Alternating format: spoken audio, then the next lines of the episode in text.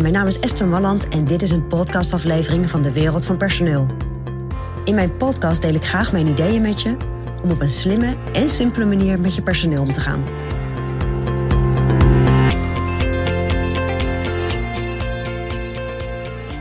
Ja, nu we allemaal veel meer op afstand werken en medewerkers ook heel vaak thuis werken, is het natuurlijk best wel spannend. Hoe doe je dat nou als leidinggevende? Hoe doe je dat nou vanuit je ondernemerschap? Al die mensen aansturen. En daar heb ik eigenlijk maar één antwoord op.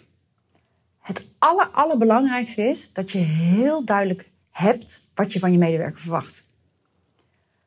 Want als jij heel duidelijk kan zijn ook over wat je verwacht van je medewerker, en dus niet duidelijk bent over hoeveel uur iemand moet besteden, dat is eigenlijk helemaal niet zo relevant.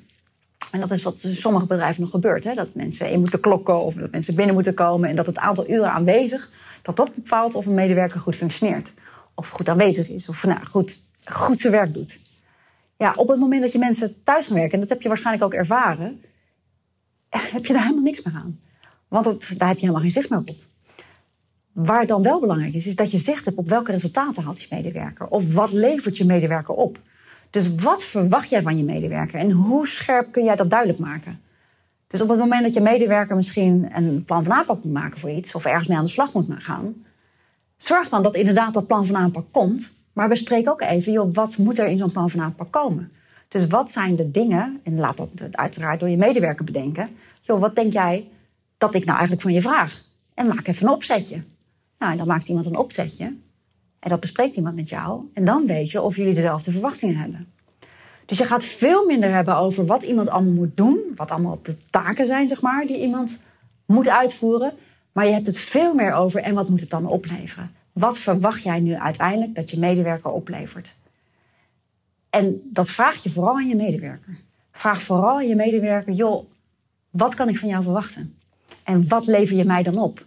Want jij hoeft natuurlijk niet altijd denkwerk te doen. Hè? Dat is iets wat wij altijd heel belangrijk vinden. Het is niet zo dat je als leidinggevende of als manager of als ondernemer altijd alles moet voorkouwen en bedenken. Sterker nog, liever niet. Vraag aan je medewerker: wat kan ik van jou verwachten? En op het moment dat jij thuis werkt, wat merk ik daarvan dan? Wat levert dat uiteindelijk op? Wat lever jij op? Wat voor een soort rapport krijg ik van jou? Wat voor een soort uh, stapels heb jij weggewerkt dan? Vertel, laat het mij weten wat ik van jou kan verwachten. Nou, daar heb ik heel vaak het woord verwachting gezet. Maar je weet ook, als je mij een beetje kent, dat verwachtingen het allerbelangrijkste is in de werkrelatie met je medewerker. Dus maak die heel helder, want alleen op die manier kun je heel goed je medewerker aansturen die thuis werkt. Nou, dat is mijn persoonlijk advies vanuit de wereld van personeel.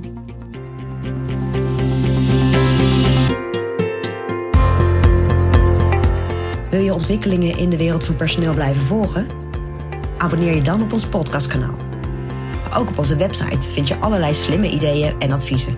Dus kijk even rond op www.dewereldvanpersoneel.nl.